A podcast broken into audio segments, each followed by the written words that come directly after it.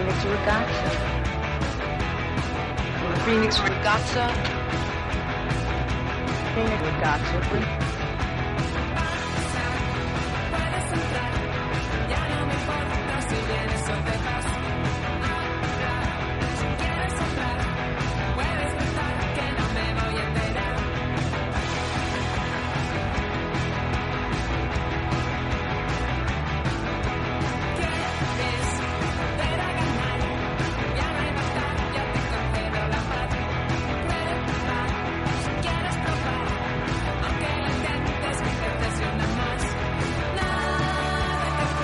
Arratsaldeon eta ongi etorri Phoenix Ragatza irratsaiora.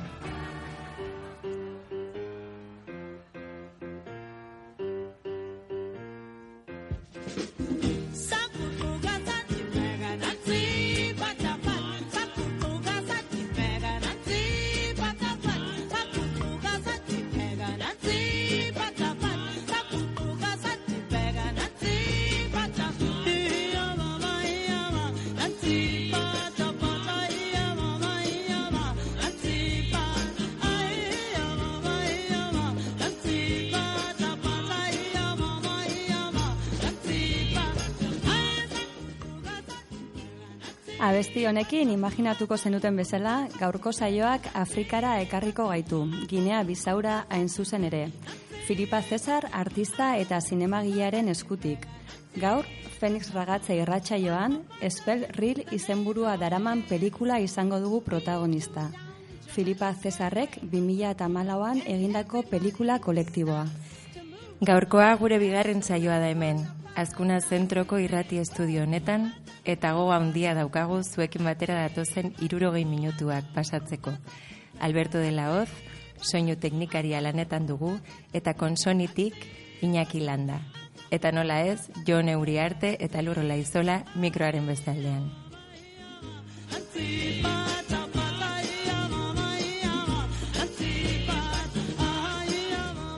Dakizuen bezala, Genius Ragatza irratsaioak pantailarik gabeko zinema imaginatzea du helburu. Irudia ez diren beste elementuak irrati uinetara ekarriz. Eta fokoa, zinema imaginatu eta egiteko modu ezberdinetan jartzen dugu. Zer gertatzen da zinetik atera eta buruan bueltak agalitzen zaizkizun irudiekin? Eta gauzatzen ez diren proiektuekin? Zer egiten da inoiz pelikula bihurtu ez den gidoi batekin? Nun gelditzen dira pantailara eraman ez diren irudi hoiek guztiak.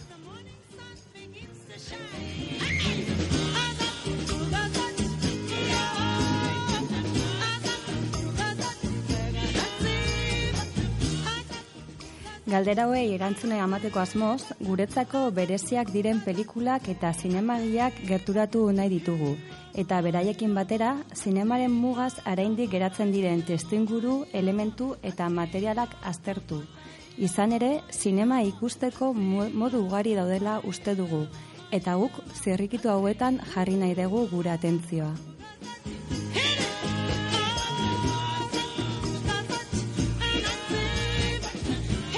Gaurko pelikula esan dugun bezala espel ril izango da. Bobina sorgindua izango litzateke itzulpena. Filmak aurkezten duen elementu nagusia, Ginea Bizauko zine militantearen artxiboaren berreskurapena da.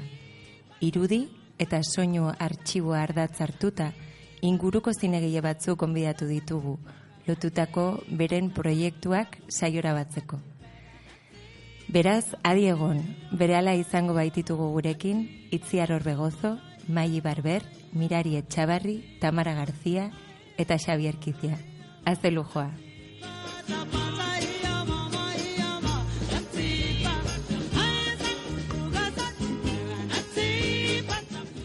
Eta gaurko saioko soinu bandari dagokionez, asmatuko zenuten bezala Miriam Makebaren doinuak ekarriko ditugu gurera. Makeba, Ego Afrikako abeslaria eta gizazkubien aldeko borrokalari sutsua izan zen. Afrikako errealitatea ezagutaraztera eman zuen emakumea, eta berak proposatutako abestekin egingo dugu gaurko ibilbidea. Beraz, hasiko gara? Ez gaite zen. Eta hasiera honetarako, irudi batzuk prestatu ditugu. Gidoi batek sortutako irudiak alegia. inoiz pelikula bihurtu ezen gidoi bat da. Chris Marker zinegile frantsesarena. Bera, mila bederatziron da irurogeita bederatzi urtean, Ginea Bisaun egon zen, eta hau idatzi zuen.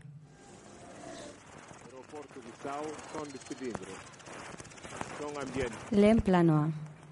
Zeru eguzkitxoa. Mosaikoak, palmondoak, emakumea janaria prestatzen. Umea. Zendagilea umea tratatzen ari da. Margolan bat dago orban zintzilik. Ezkontza baten marrazkia. Ezkontza baten argazkiak. Familia baten argazkiak. Katedralaren fatxada bilustua. Kolonialista baten marrazkia, zeinak bere oinetara emakumea bat duen eserita.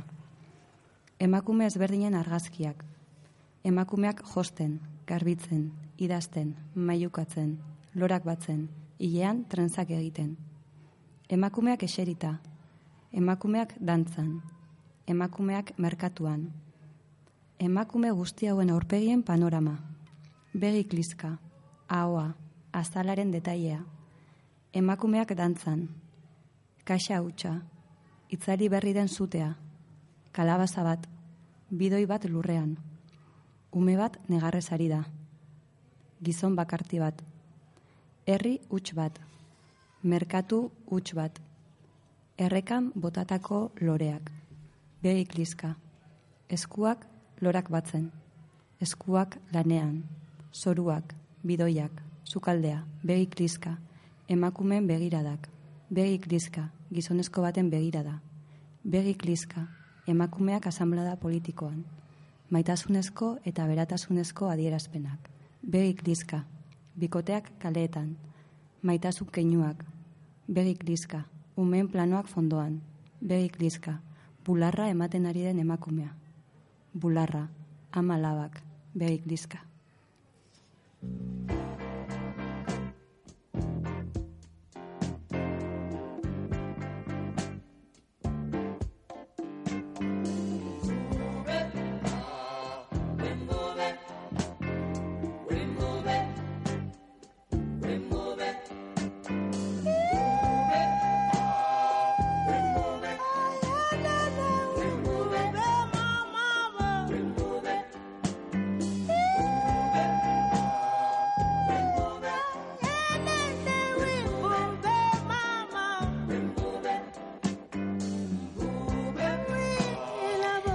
kliska. Espelril, Filipa Cesarrek egindako film kolektibo bat da.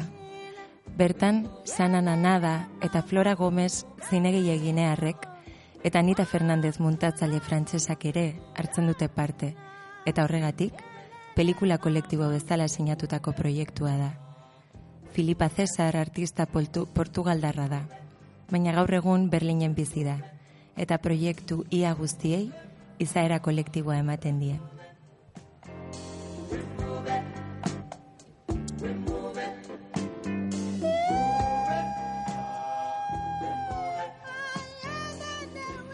Filipa Cesar 2000 eta garren urtean joan zen lehenengoko aldiz Ginea bizaura. Bere haurtzaroa nolabait e, Gineako gerra kolonialagatik egon zen zeharkatua izan ere, bere aita bertan egon zen armadarekin e, burrukan, mila beratzi deon da zazpi eta mila beratzi deon da beratzi urte artean. Dakizuen bezala, Ginea Bizau kolonia Portugaldarra izan zen mila beratzi deon da garren urte arte. Espelril pelikulak Ginea Bizauko sinema militantearen artxiuaren berreskurapena du abia puntua. Eta badirudi Filipa Cesarren etxean, bain eta berriro azaltzen zala Ginea Bizau ezta? Agian historio edo kondaira bezala baina beti zegoen nolabait etxe horren barruan. Kontua izan zen, Filipa Cesar ja gazte zela eta behin politizatu zenean, 2000 eta hiru urtean hain zuzen ere, aurkitu zuen lehenengo aldiz ginea bizau pelikula batean. Bere etxean beti egon zan herrialde hori, lehenengo aldiz pelikula batean, ez? Ze pelikula izan zan hau, ba Chris Marker, zuzendariaren, San Soleil pelikula nahi zuzen ere. Eta pelikulan bertan, ofeko ahotsak ondorengoa esango digu. Why should so small a country, and one so poor, interest the world?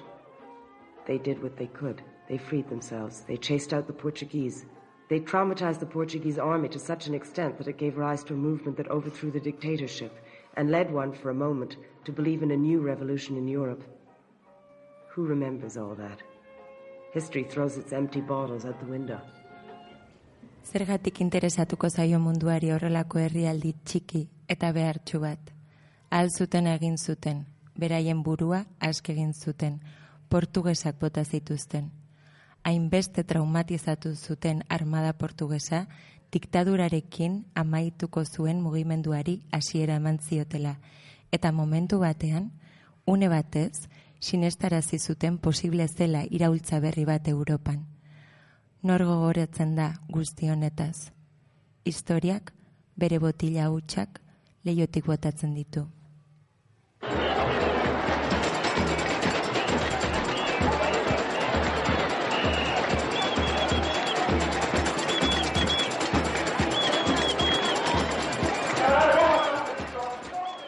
Itzuli berri degun esaldi hau da San Soleil pelikulan ikus dezakegun Ginea Bisauri buruzko mezu potentea, ez?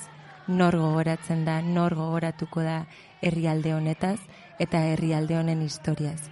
Eta aldi berean orain entzun dezakegun inauteri hau, e, benetan pelikulan oso momentu indartsua da, Ginea Bisauko koloreak ikus bai ditzakegu hango maskara eta jendeak e, egiten dituen dantzak eta bueno, oso momentu Alaia, ezta? oso Alaia koloretsua e, festa giroan dauz, eta esan oso irudi potenteak dira, beraien maskarekin, ez? Animali forma du maskara horiek dantzan. dudarik gabe. Kuriosoa da, zesanan anada izeneko zinegile ginearrak filmatutakoak izan ziren irudi hauek. ez? Hala da, eta Chris Markerrek San Soleilen txertatzen ditu, eta bueno, berari esker ikusi dezakegu film honetan Ginea Bizauko ostatitxo hori, ezta? Hori da, eta ja, dagoeneko komentatu dugun bezala, hor egon zen nolabait, espelrilen lehenengo pista, ez? Filipa Cesarrek lehenengo aldiz, esaldi hau eta inauteriko irudi hauek San Soleil pelikulan ikusi zituenean. Hori da, behin pelikula ikusi eta nork esango lioke Filipa Cesarri urte batzuk geroago Chris Marker ezagutuko zuela. Eta Chris Markerrekin e, hitz egiten Ginea Bizauren inguruan galdetu zion Filipak, lehen komentatu dugun bezala, bere aita bertan egon zelako, eta bueno, berak aurtzarotik nahiko fascinazio sentitzen zuelako herrialden honen inguruan. Eta Markerrek argi eta garbi esan zion, Ginea Bizau interesatzen bazaizu, bertara joan behar zara, eta sanan adada zinegile ginearra ezagutu behar dezu. Hala bada, Filipa Cesarrek 2011 urtean zinegile ginearra hau ezagutu zuen Ginea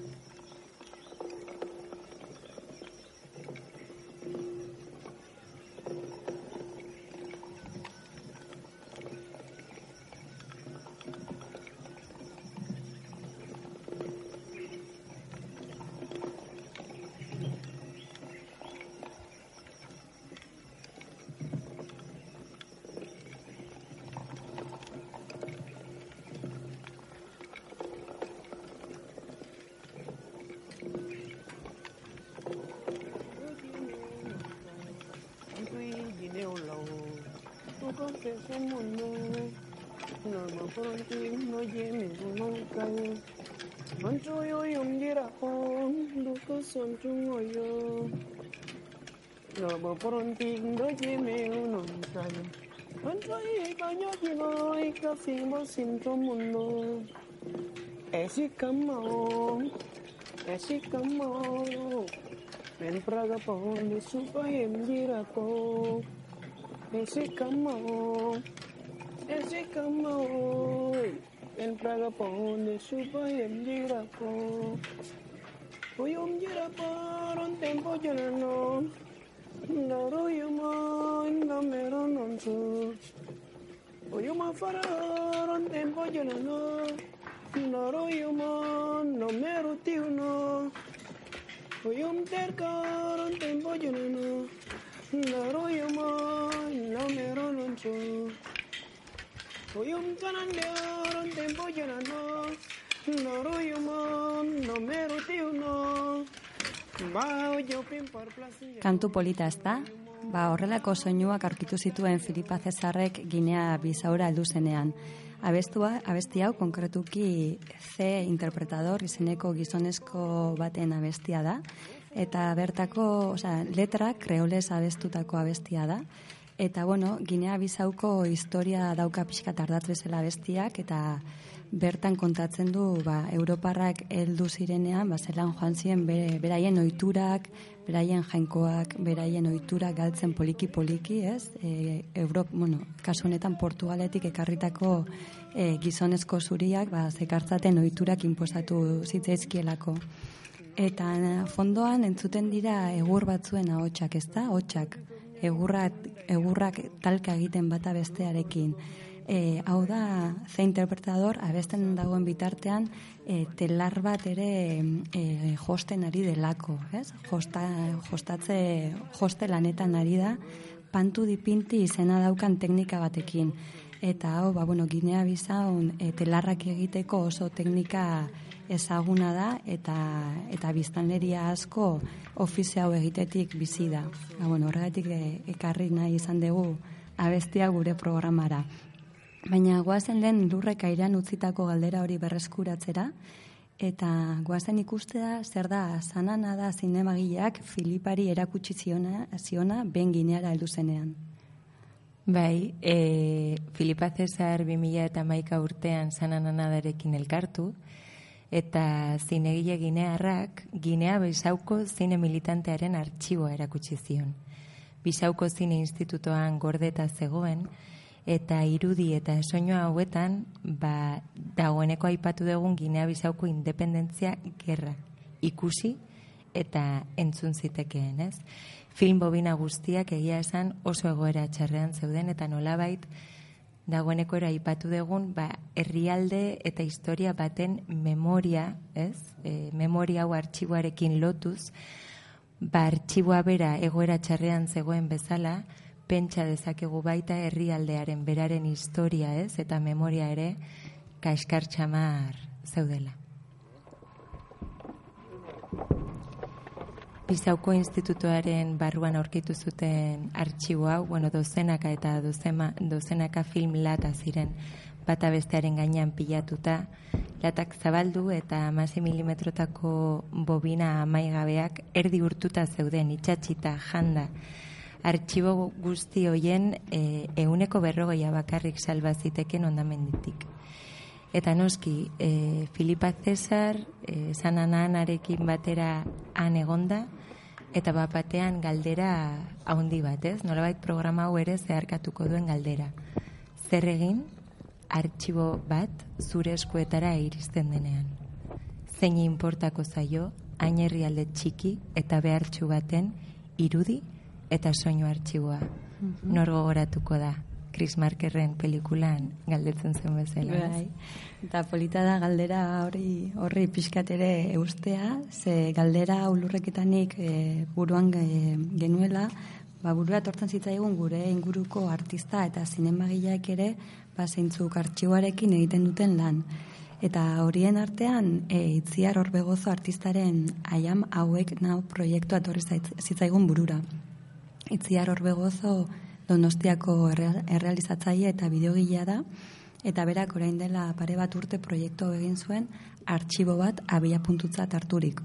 Orduan uste dut itziar, e, telefonoaren beste kaldean daukagula. Kaixo itziar. Kaixo, Kaixo. Hola, ze moduz? Ondo, ja ingustu hain nintzen entzuten, azten zaite sartzen joala. Bai, bai, bai. Ba, gustora gozu entzutean. bai, hain, de repente nire izan entzuten, eta zen, ostra, ostra, ja, ja. Bai, bai. Bueno, eh, jonek sarrera txiki bat egin duen Bai. dezun bezala, eta hori ez, ba, pixka bat artxiboaren inguruko galdera hau geneukan programa guztia zeharkatzen. Zure kasuan esan dezakegu artxiboa bera baino lehen, pixka bat e, utxik zegoen edifizio bat izan zela proiektu guztiaren abia puntua, ez? Bai. Nola izan zen, pixka bat hasiera konta dezakezu? Bai, bueno, a ber, e, e, ni jo nintzen e, bizitzera urtete, bueno, urtete erdi egon nintzen azkenean, e, Donostiako buen pastorren aurrean zegoen edifizio utxu atera. E, permisoa neukan hor bizitzeko, eta, eta orduan bizi nintzen laugarren pisuan, eta neukan giltza beste etxe guztietara. Eta Bai. beti utxa esaten dugu, baino ez zego, utxa ez zegoen etzerako inor bizi, baino gauza pila bat zeuden e, bertan. E, haien artean e, altzariak, e, erropak, e, aspaldi aspaldiko erropak, igual ai, hogei garren amarkadako erropak, Bai. e, bueno, zeuden gauza pilo bat, hor medikamentu zarrak eta danetik. Eta Bai. haien artean, e, gauza guzti horien artean, aurkitu nituen e, argazki batzuk.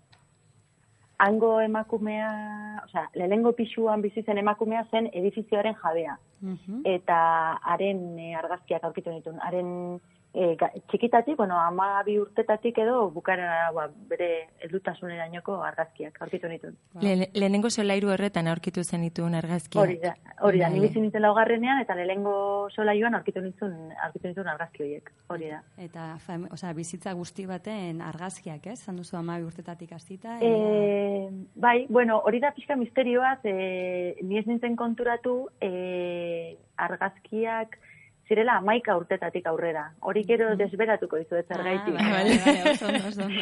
Baina hasieran ez nintzen, ez nintzen konturatu. Eta bai, e, gutxo gara bera dira amaika urte dituenetik edo e, argazkiak. Bai. Eta itzi ezaigu, zein da argazki horien bitartez ezagutzen duzun pertsona? Ba, emakume hau zen Teresa. E, Teresa zen, ba, e, bueno, eske hemen dade, horregatik esango dizuet, esango dizuet nik egin dudan historia. Vale. lehenengo, Hori da eta gero, hori da, eta gero benetakoa. Orduan Vale. nik eh, kontatuko dizuetena, betira nik, betira nik pentsatu izan dudana, Mhm. eta iritsi zaiten informazioa. Mhm. Orduan, bueno, nire aizpak, nire aizpak zen em, konstruktora, etxe, edifizioaren jabearen konstruktorako la, langilea, Mhm. enpresaren langilea. Eta nire aizpak kontatu zian, ba, emakume hau zela jabea, e, etxe edifizio osoaren jabea, han bizi izan zela bere bizitza osoa, ez zeukan eh, seme alabarik, ez zen inoiz ezkondu, eta, eta han, han bertan lehenengo pixu hortan hil zen.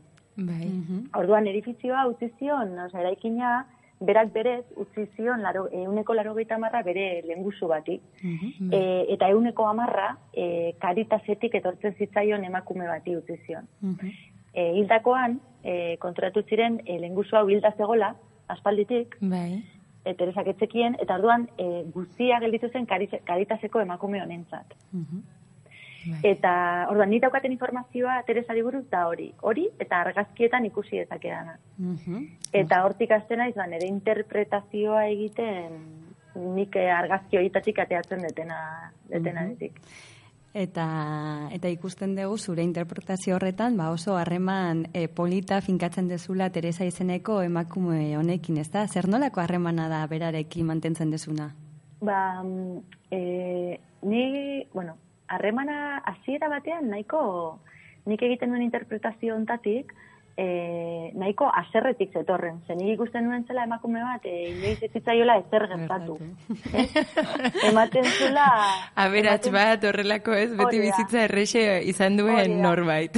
Hori da, eta gainera edifiziora, eraikinera sartzen zinenean, e, nola baitere nahiko pake hola lasaiat egon, ez zegoen, nola sentsazio fuerterik. Bai. Eta esaten, ojo, emakume hau bizi da, bizi izan da, bere bizitza oso hainen, ez da inoiz atera, ez?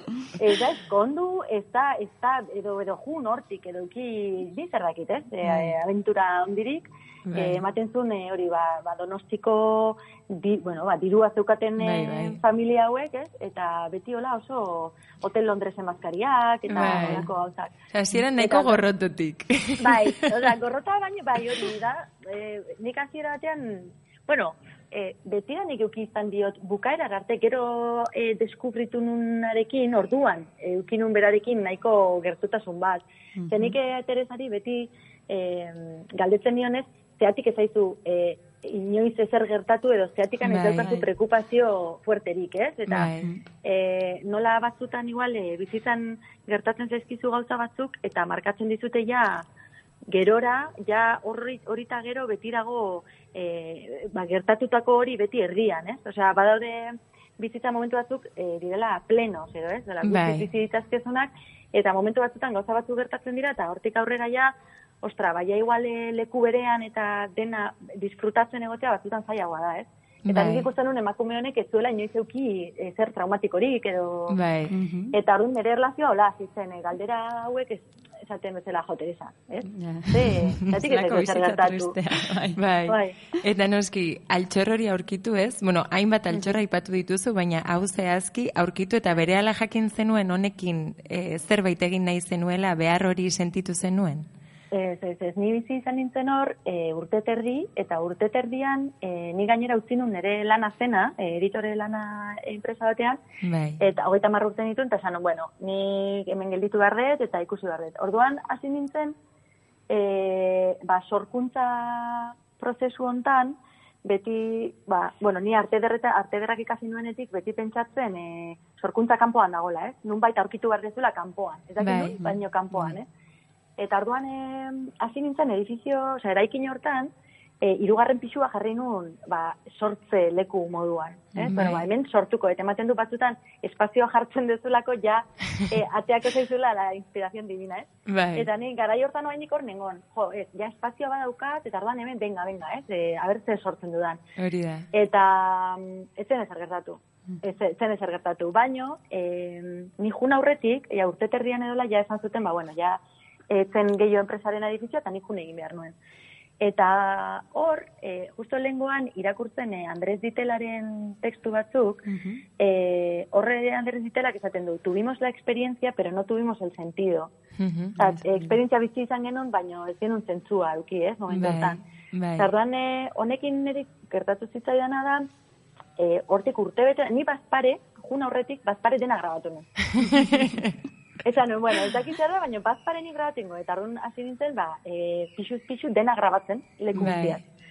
Eta orduan hori beti zegoen hor, nik eh, tuve la experiencia, pero no tuve el sentido, ez, ze gertatu zen hor, ze gertatu zen hor, ez? Hori da. Eta orduan e, hortik hasi zen. Ez, nik badaukat hor historia bat, ez dakitena zer den, baino e, sartu behar naiz, ze ulertu behar dut. Niretzako beti pixkat horti dijoa. E, da, zer gertatu zen hemen. Ez? Eta Bai. orduan denborarekin pixkat berriz hartu eta esan, ah, bale, hau gertatu zen, eta hau pixkat ordenatu, eta nolabait forma bat eman, eta e, azkenean ba, forma eman da eta ulertuta, ez, bueno, ba, hor gelditzen da, ja, zure buruari kontatu diozu, ja, ze gertatu zen momentu hortan, horrelako zerbait.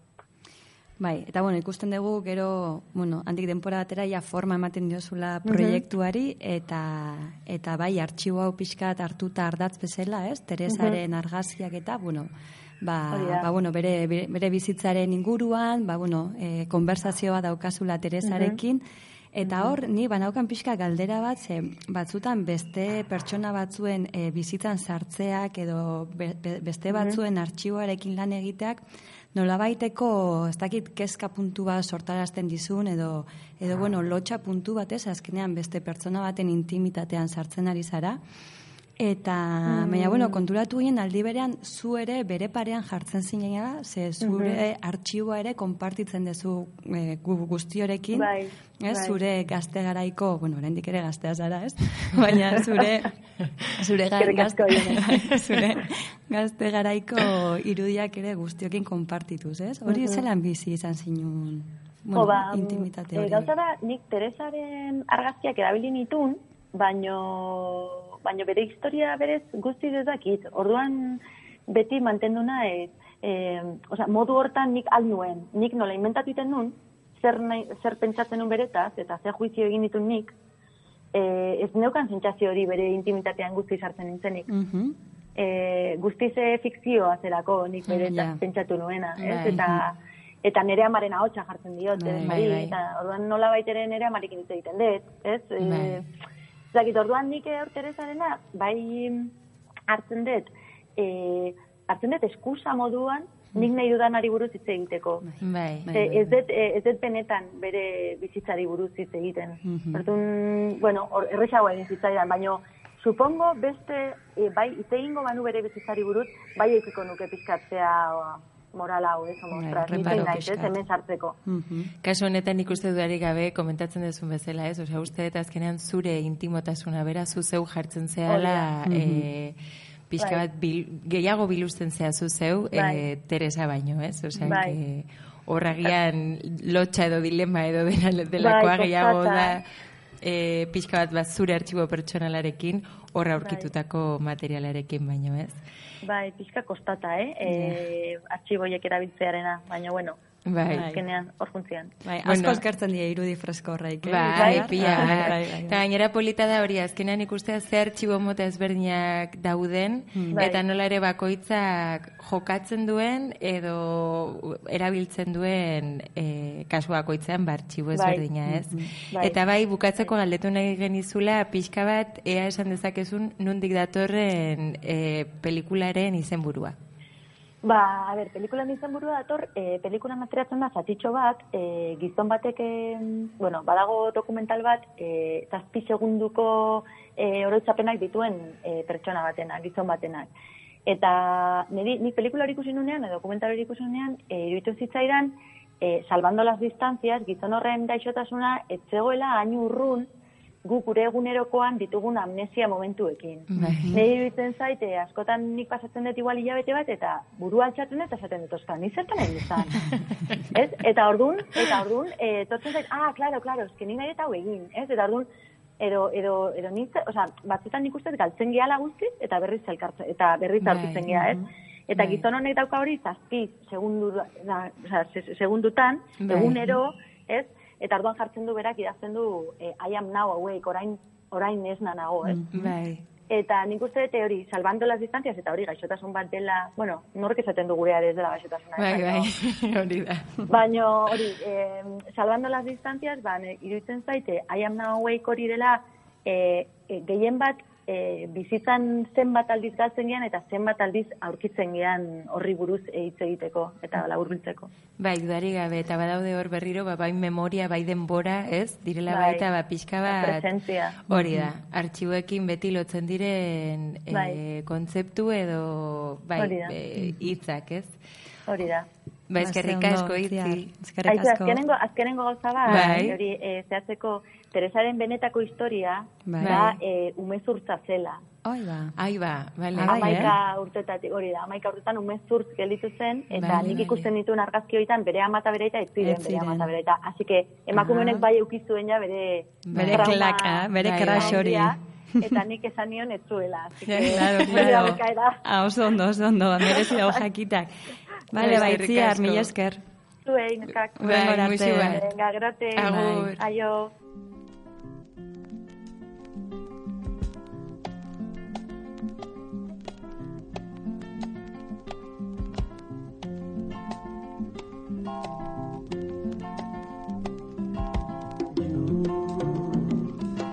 E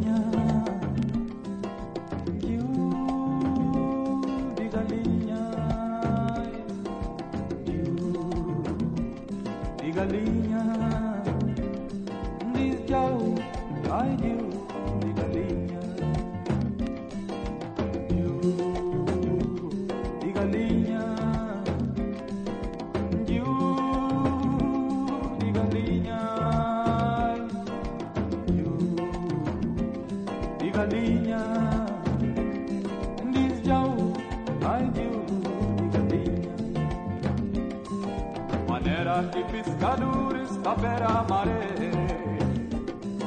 assim também canta pera dia de riba maneira que pescadores tapera a maré assim também canta pera dia de riba manera que labradores la llora chuva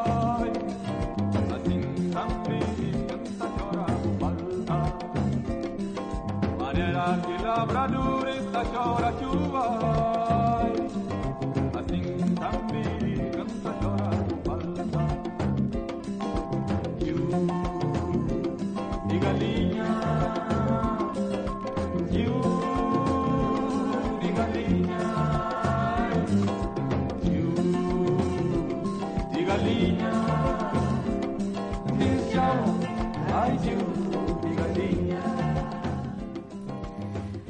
Base gustora egon garen itzia Rorbe Gozorekin hitz egiten, e, bere proiektua Aiama hauek nau da, e, nahi badezue biztazo bat e, bota, ze egia esan guk asko disfrutatu genuen pelikula hau ikusten, eta bueno, polita da berak egiten duen e, ariketa, Teresa izeneko emakume honekin horrelako berriketaldi bat imaginatzen.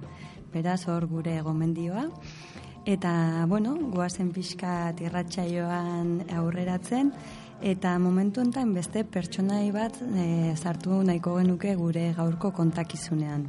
Eta ez da edonolako pertsonaia, pertsonai potente bada. Bera, Amilcar Cabral e, izena dauka, eta Portugaleko kolonizazioaren aurkako irautzaren e, buru politiko eta eta eta gerlaria izan zen modu baten esateko. Em, irautza hau mila beratzireun da berroeta marreko amarkadan hasi zen, eta Ginea Bisauk mila beratzireun da irurogeita malauan lortu zuen Portugaleko independentzia, baina Amilcar Cabral irurogeita mairuan hil zuten. Bentsa kontatuko dizuegu zergaiti den olako garrantzitsua Amilcar Cabral. Entzun dezagun pixka bat lehenengo bera. Ana conta camarada su franqueza, estánuli, un contente más. Un conte acompañar na boia. Camaradas professores, talvez alguns poder comar, e que dessa contribuição para libertar a terra. Quem puder que lá, é que não entende nada ainda de uma luta, nem de uma vida, nem de um partido. Hemen amika, Amilkal, Amilkar Cabral, ez da izen erresa, eh? Amilkar Cabral entzuten dugu, eta bueno, soinua azkenean e, Ginea Bisauko artxibo militantearen e, zati bat da, ez? Horregatik ere entzuten da banaiko zahartuta. Bai, bai, bai. Hori da. Lider honen inguruan, ba, badaude hainbat datu oso interesgarri. Lehenengo bat zinearekin berarekin lotuta. Kontua da, e, lider honek ikusten zuela nolabait herrialdea libre izateko, ezinbestekoa zela herrialdeak berak zine propio bat eukitzea ez. Eta noski, nola lortu e, herrialde batean e, zinea, ba, hori nolabait, e, zine propio bat. Kasu horretan egin zuena izan zen e, launeska mutil gazte, amazazpi bat urte izango zituzten momentu horretan, Kubara bidali zituen, Ginea Bisautik, Kubako zine eskolara zinea egiten ikastezaten. Eta hauetako batzuek gainera, lehenengo aldiz ikusi zuten pelikula bat Kubara iritsi zirenean. Mm, Hala da, beretzako sinema erraminta emanzipatzaile bat zen, eta beretako oso garrantzitsua zen bere herrialde bere herrialdeko historia beraiek kontatzea bere beraien hitzez eta beraien irudien bitartez. Horregatik bere biziko garrantzia eman zion e, gazte talde hau bakuban e, formatzearena e, eta bueltatzean ba, beraiek erregistra zite, e, zezaten e, gerra horren e, irudi eta eta soinuak.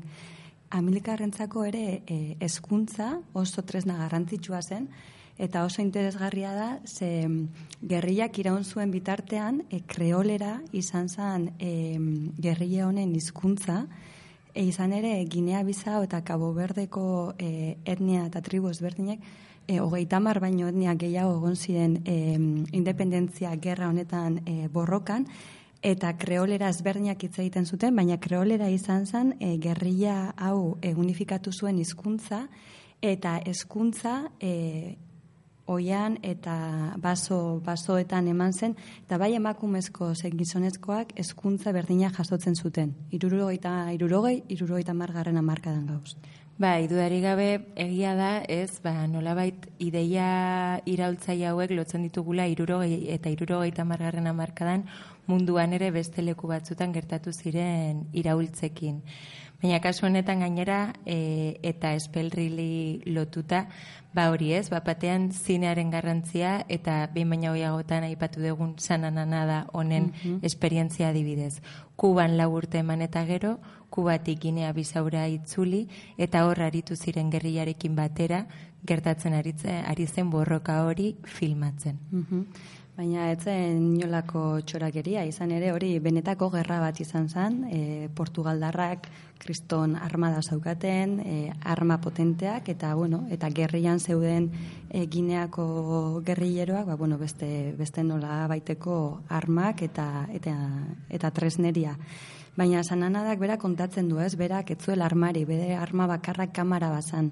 Eta, eta Spellriz pelikulan badago momentu bat galdera bat botatzen duela irera, oso galdera garrantzitsua. Zu zeu gerra baten egonda, zeini egingo zenioke tiro lehenago. Arma bat daukanari, ero kamara bat daukan pertsonari. Bai, galera hori pasada bada eta nire ustez oso ondo ilustratzen du pixka bat e, kamarek momentu horretan zeukaten indarra eta ze beldur ematen zioten etxaiari, ez? Nolabait gertatzen ari zen guzti hori memorian erregistratuta geldituko zen e, bai realitate bat izango zelako. Eta hori egia da, e, lehen aipatu dugun bezala, bai ideia iraultzaile hauek, baita kamera arma bat bezala erabiltzea, ez da ginea bisaun bakarrik gertatu den zerbait, baizik eta beste leku batzuetan ere garai horretan gertatzen zen zerbait zela. Bai, de hecho, saio prestatzen ari ginela, e, lur eta bio jauzi gine kontuan, orain dela pare bat aste, e, bueno, zineman e, egon ginen Rousseau Paulosen inguruko e, pelikula bat ikusten, eta horrera ikusten zen, nola Frantzian, mila beratzireun da iruro eta mabigarren urtean, e, festival feminista bat egin zen, Eta bertako fe, e, esto, festivalaren kartelan agertzen zen emakumezko bat, kamera batekin, baina karma, kamera hori e, zeukan gorputzean kokatuta, bueno, arma bat baliz bezala, ez? Ja, simil hori egiten kamera arma bat dela. Bai, dudarik gabe azkenean e, kamarak daukan indar hori, ba hori, e, lotu dezakegu pixka bat, e, ba, emantzipazioarekin, ez? Nola, nola bait, zuk baldin badaukazu kamera bat, gaizea, zu zeu e, errepresentatzeko.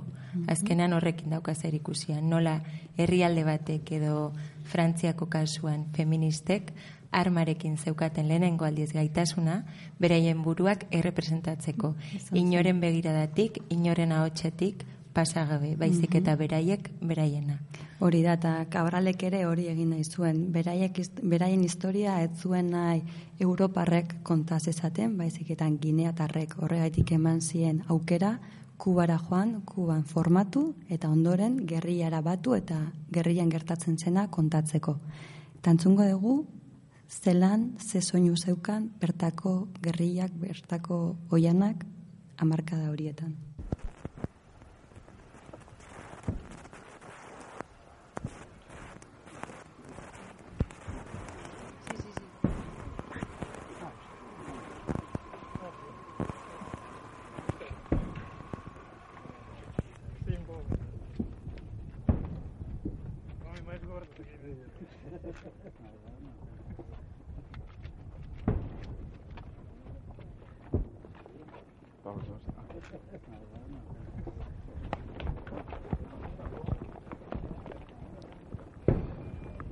Entzuten dugun audio honetan, e, lehenago Amilcar Cabralen liderraren audioaren kasuan bezala, entzun daiteke baita nahiko audio Be, bai, e, kaskarra den hitza, kaskarra, baina, bueno, zikin xamarran bai, da. hori da.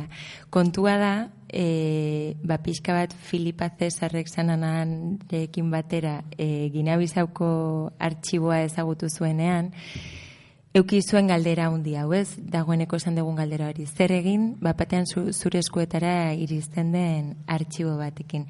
Eta kasu honetan, kolektiboki erabaki zuten, e, Ginea Bizauko artxibo militantearen soinuak eta irudiak ez zituztela zahar berritu nahi.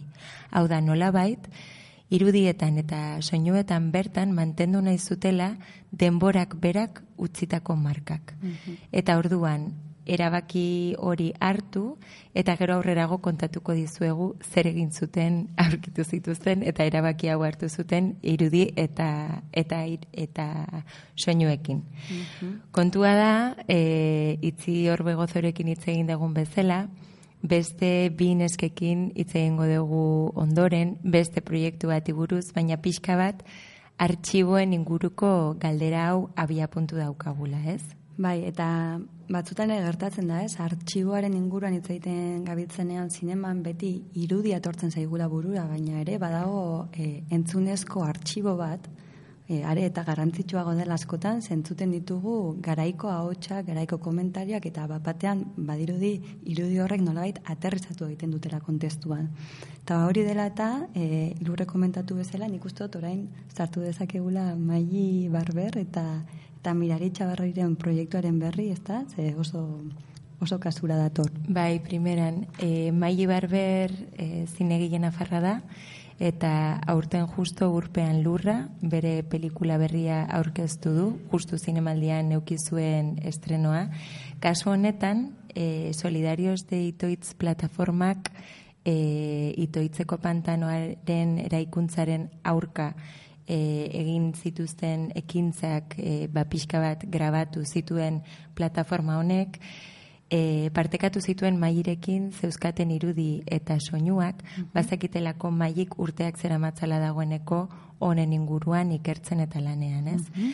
Mirari etxabarrik artistak e, eta Gerard Hortin artistak baita mai barberrekin batera egin zuten pelikularen montajea eta e, jarraian ikusiko dugu pixka bat zera saltzen diguten beraiek proiektuari buruz. ¡Niños, niñas! ¡Venid! ¡Eh, ahí vienen! ¡No os oigo! ¡Mirad, está ¡Venid, todo! deberíais recibirle con un fuerte aplauso! ¡Venid!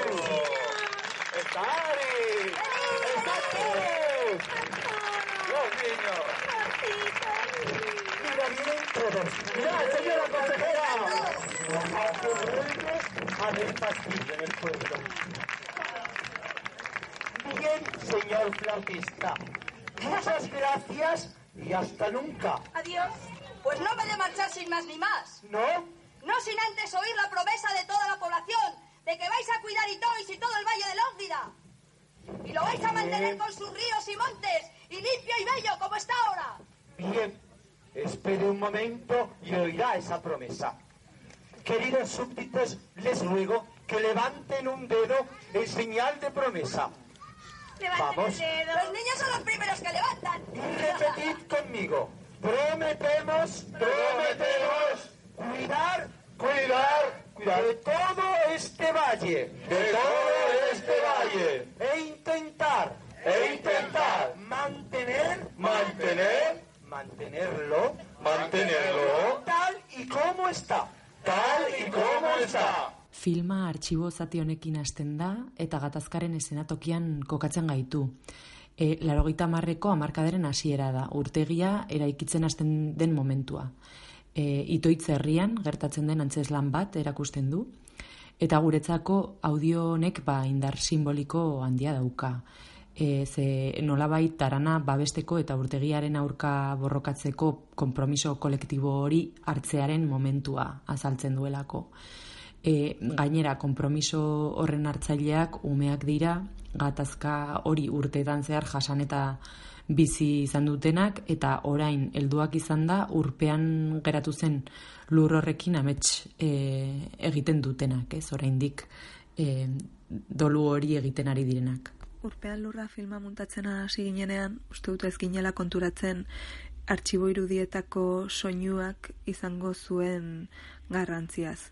Batez ere begiratzen genion irudiari, zaki zergatik, ba, azkenean, bueno, hori, ikusteko errazena delako, ez? Baina e, muntatzeko garaian, gutxinaka e, joan ginen konturatzen e, soinuak zeukan garrantziaz filme honetarako, batez ere. Ze azkenean, e, soinuaren bidez, e, etortzen zitzaigun kamararen atzetik zeuden pertsonen e, sentsazioak, emozioak eta bizipenak, ez? Eta orduan kontraste handia egiten zuen kamarera, kamararen aurrean zegoen irudiarekin.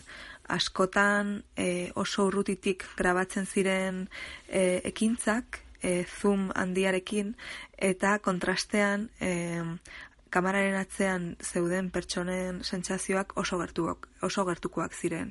Eta nolabait sortzen zuten konexio moduko bat. Eta ematen zizuten aukera e, irudia e, irakurtzeko beste era batera, ezta? E, haien erara edo ulertzeko nola sentitzen zuten e, irudi hoiek e, grabatu eta ikustea. Gogoratzen naiz egon zela momentu klabe bat, ez, muntaketan, e, non ba, zeuden irudi batzuk, ari ginela ikusten, baina ez zela bat ere erraza hoiek ikustea soinuak bazeukalako horrelako pitido moduko bat e, banda osoan pi orduan ez zen ez zer entzuten hor- hor- hori izan ezik eta ez zen bat ere erosoa baina irudiak indarra handia zeukaten e, izan ere e, muniain eta hartozkierria botatzera zijoa zen E, orduan momentu batean eh, esan genuen zer gertatzen da soinu honekin, ezta? Eta joan ginen soinu artxibora e, eta konprobatu genuen e, estereo bat zela, baina kanal batetik seinale oso, bueno, zarata seinale bat sartzen zela.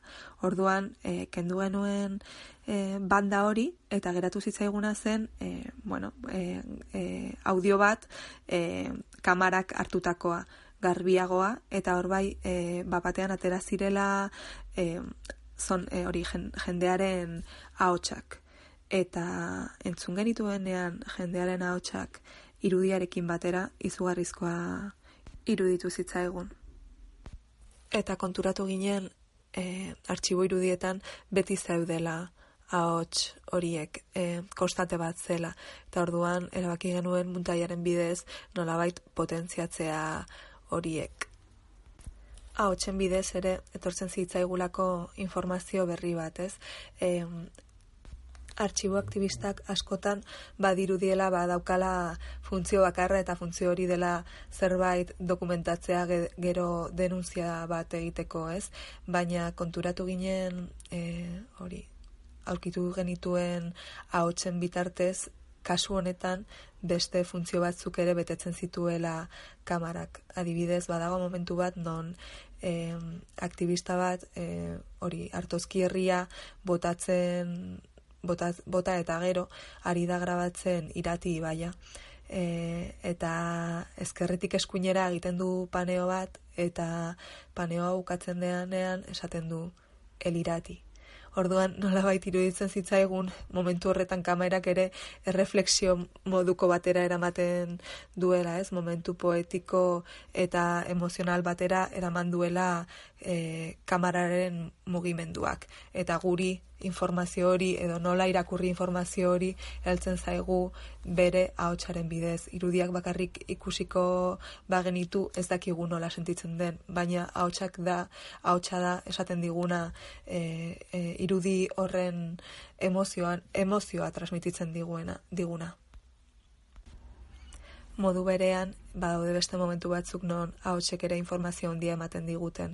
Ahotsek baina baita ere e, entzuten diren arnasak edo horrek jartzen gaitu arrisku situazio batean, irudia ez da horren ez du hor- hori informazio hori eramaten baina soinuaren bitartez heltzen zaigu.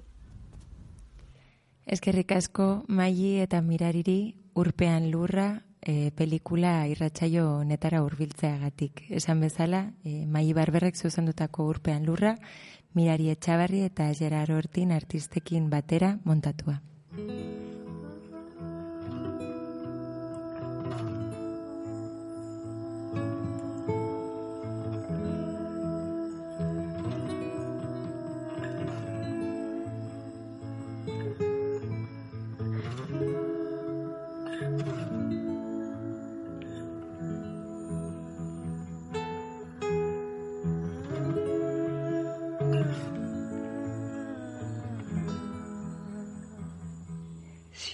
Que aunque parezca que no, este suelo está cuadriculado.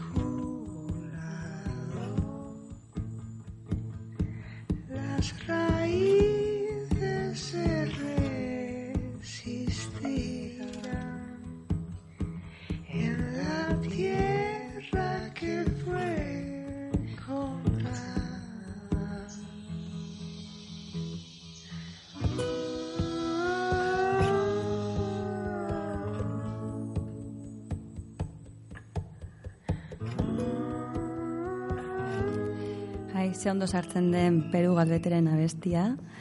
E, bueno, artxiboarekin gaude gora eta bera, artxiboaren aurkikuntzarekin, artxi- artxiboaren berreskurapenarekin, artxiboarekin lan egiteagatik, baina artxiboa ez bada publiko egiten, bariduri ez duela zertarako balio, ezta?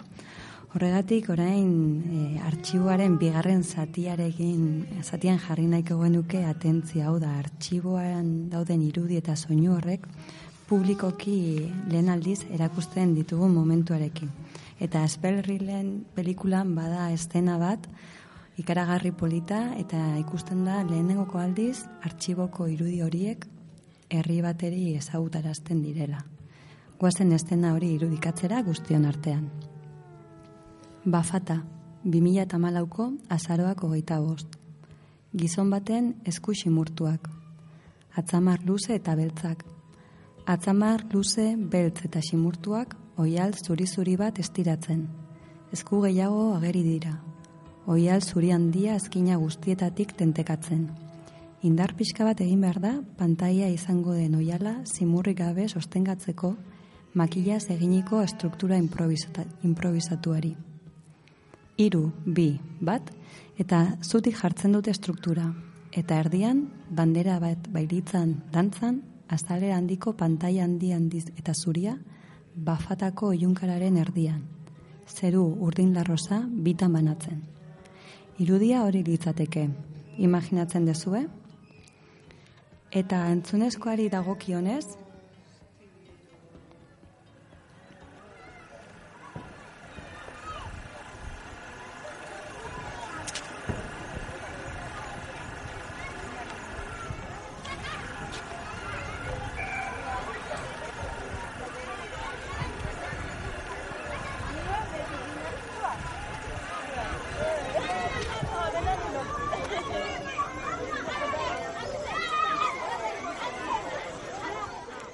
Goazen estena honen akziora.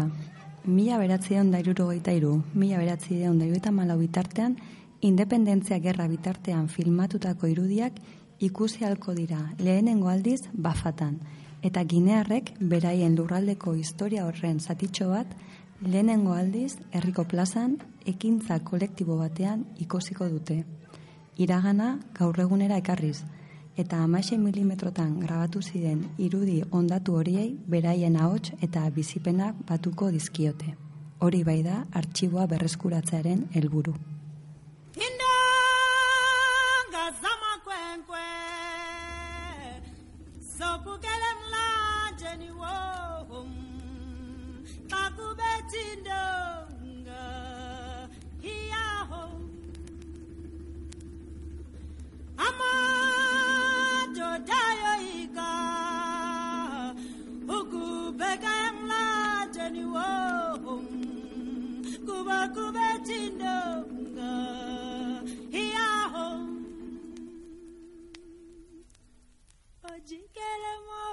ndiyamba jikele mawe ni ndiyamba o oh, jikele mawe ni ndiyamba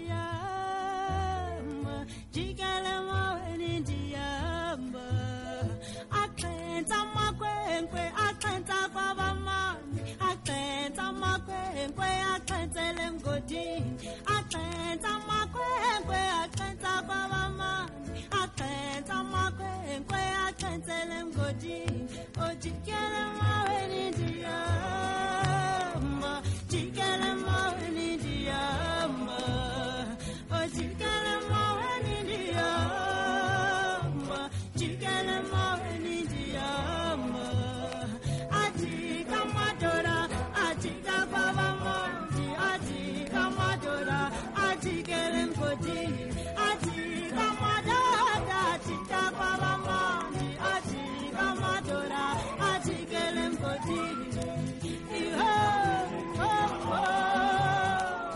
Bueno, eta artxibarekin jarraituz, gure azken gonbidatuak ditugu. Oraingoan, Xabier Erkizia eta Tamara Garzia gonbidatu ditugu, lanean e, ari diren proiektu bati buruz hitz egin dezaten.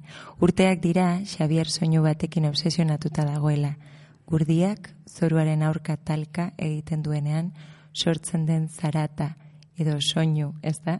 Karrankariaz hain zuzen ere. Eta soinu horren galerak, soinu horren atzean dagoen memoria galtzera eraman gaitzakelako, bidai ezberdinak egin dituzte soinu hori oraindik existitzen den tokietara joan eta gurdiotxa erregistratuz, ez? E, grabatuz. Hala da, e, gaur egun, bueno, justo e, gaur e, egun hauetan Tamara Garzia zinegilearekin batera e, Italian daude, soinu horren bila, eta bertatik kontatuko digute beraien proiektuaren nondik norakoak. Kasu honetan gainera nola den soinua abia puntu, baina pelikula batean ari dira lanean, ezta? da. Eta erromatik e, bidali digute orain entzuteko aukera izango ditugun audioak. Estamos en el mausoleo de Santa Constanza, en Roma. Y hemos venido porque hay dos mosaicos con carros de bueyes. No hay tantas reproducciones en la cultura romana de los carros de bueyes. Hay infinidad de menciones, pero que se han perdido en las traducciones muchas veces, porque hablan de carros de forma genérica. Y aquí ya había detectado dos imágenes, que son dos carros recogiendo uva. Están en el- la parte alta del mausoleo, que es muy oscuro. Los motivos que hay en los mosaicos son más bien festivos. Aquí en la oscuridad se ve gente bailando, divirtiéndose.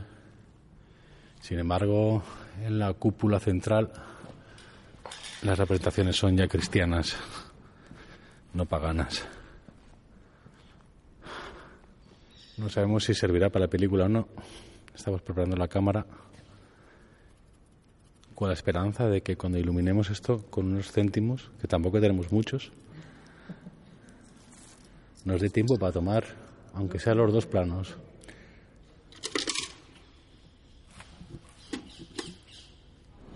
Bueno, proiektua orain dela mar bat urte hasi zen jakin gabe zehazki nora iritsi. Eta oraindik ez da maitu, beraz eh, ez dakigu pelikula hau, orain egiten ari garen pelikula hau, geldi aldi bat soilik den, eh, parada bat, parada simple bat, edo eh, bidai oso baten, bidai oso bat laburbiltzen duen argazki moduko bat. Hasiera batean jaiotzetan min batetik, ba proiektu gehiena jasotzen diren edo jaiotzen diren bezala, eta da soinu bat e, entzuteko ezintasunetik. Nik e, irikurdien inguruan topatu nuen lehenengo informazioa beti izan zen, e, nola nuke, dokumentala. E, bereziki mezortzi eta garren mendeko bidaiariek, Euskal Herriak egindako bidaietan aipatzen zutelako bain eta berriz. Bereziki Victor Hugok e, baten zuen bere viaje a los Pirineos y los Alpes liburuan ezindasun hortatikan, e, bueno, ba, ezindasunak nolabait pilatzen joan ziren, bata bertzean ondotikan. Eta orduan, min hori jenda gero eta gehiago onditzen, azkenean, ba, ikerketak kasualiade eta eta hainbat, e, bueno, provokatutako akzidenten ondotikan, dolopait soinu hori topatzera, oraindik biziri topatzera e, eraman arte. Tamarari galdetu genion baita, nola ari zen izaten prozesu hau, ez? Zein den pixka bat jarraitzen ari diren produkzio metodologia. Eta ondorengo erantzun zigun. Al principio, cuando he pensado la respuesta, enseguida me ha venido una respuesta absolutamente técnica, tipo esta cámara, este, esta forma. Lo que me sale contestar es el, personal humano, las personas que estamos haciendo la película. Porque creo que el sistema de producción eh, tiene que ver más con eso y creo que ahí es plantearte cómo te sientes cómodo haciéndolo. Y ahora mismo estamos trabajando todo, básicamente tres personas, cuatro personas en, en el rodaje en Brasil, eh, dos personas en este particularmente en el rodaje en, Italia. Eh, y creo que eso es lo que también se plantea o nos planteamos con la peli, ¿no? ¿Cuántas personas hacen falta para hacer una película? Sabiendo que ese dato hace que tú elijas qué película quieres hacer. Badago soinu honen pareko irudirik. Badago itzultzerik irudi bat soinutan. Badago soinu bat irudi bihurtzeko modua. Baina beti suporatzen du itzulpen bat. Horan dela hilabete batzuk, uarteko zentruan egindako eh, performance bati el ruido que nos falta, do falta egun zarata, izenburu jarri nion. Eta izenburu horrek eh, referentzia egiten zion Pascal Kiñarren liburu bati, la imagen que nos falta, berak aipatzen duelako badela irudi bat falta duguna, dela gure jaiotzaren irudia, jaiotzen garen momentukoa, edo egin ginduzte momentukoa, eta irudi horren ausentziak sortzen dugulalako ezin egon bat, gerora gure bizitza gozoan e, ba, moldatu ezinen ibiltzen garena. Bai iruditzen zait, zaurien bidez eraikitzen dugula gure nortasuna. Igual hau erratia obia da hutsa da. Baina uste dut badagoela zeo ze hortatik, ez? Eta nik uste dut proiektu honek bertze dozen ikerketak baino argiago erakusten duela ba, zauri horren ausentzia baten afera hori, ez? Ezintasunaren afera hori, ez? Eta nola horrek baldintzatzen duen baitere ez soilik gure interesak edo proiektu baten edo ikerketa baten ondik norakoa. Baizik eta gure izateko modua. Uste dut e, gure pentsamoldea oso dagola oinarritu irudian. Eta nahiago dugula leku bat entzun baino mapa bati beti begira denbora galdu eta jengan edo maparengan fedea El último día que estuvimos en Brasil, cuando ya habíamos grabado todo y estábamos dando como el último paseo, era un día festivo porque era una festividad religiosa, y encontramos a uno de los carreros que, eh, con los que habíamos hecho uno de los tramos. Y Xavi le preguntó, ah, ¿cuándo vuelves? Y le, le dijo, ah, vuelvo mañana, qué sé yo. Y me dice, pero vuelves, le dijo, pero vuelves en carro o vuelves en camión, porque muchos de los carros volvían, los montaban en camiones y volvían en camión, ¿no? Y él le dijo, no, no, no, vuelvo tocando.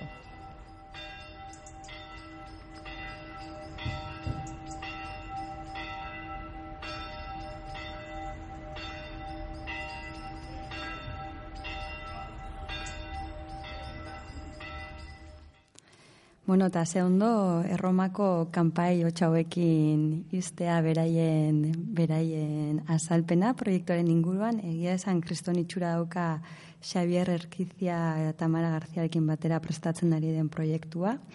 Eta, bueno, ba, irrikitan entzuteko eta ikusteko pelikula hau, eta gure eskerrik beroena, gratze mille, orain italian daudela, eta laizter arte.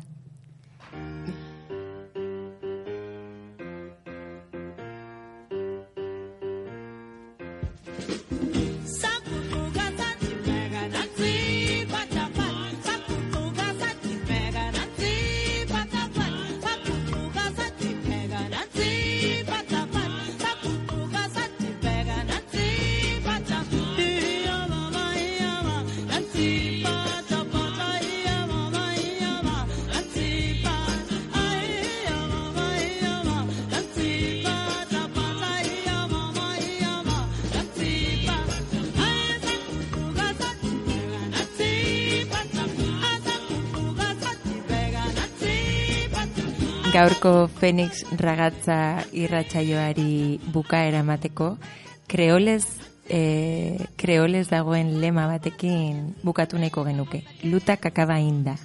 Eta zer da lutak akaba inda? Lutak akaba inda da borrokak oraindik ez duela ez duela amaitu eta borrokatzen jarraitu behar degula. Hori da gineatarren lema. Eta bueno, gurera ekarri nahi izan dugu gaurkoan, ba, bueno, e, programa honi amaiera emateko. Espero dugu gustora gonzariela gurekin, gaur irurogei minutu hauek e, elkarbanatuz. Eta, eta bueno, datorren hilabetean berri zentzungo gara uin hauetan, eta datorren hilabeteko saioa ere aski interesgarria izango da. Bai, dudari gabe, Lucrecia Martelen, la zienaga izango dugu kasu horretan abia puntu, eta ea unibertso hori uinen bitartez nola transmititu dezakegun. Hori da, mila esker gaur ere entzuten egon zareten guzti hori, konsonikeko lagunei, Alberto de la Oce soinu teknikari lanetan egoteagatik, eta urrengo jabeter arte. Lutak akaba inda. Lutak akaba inda.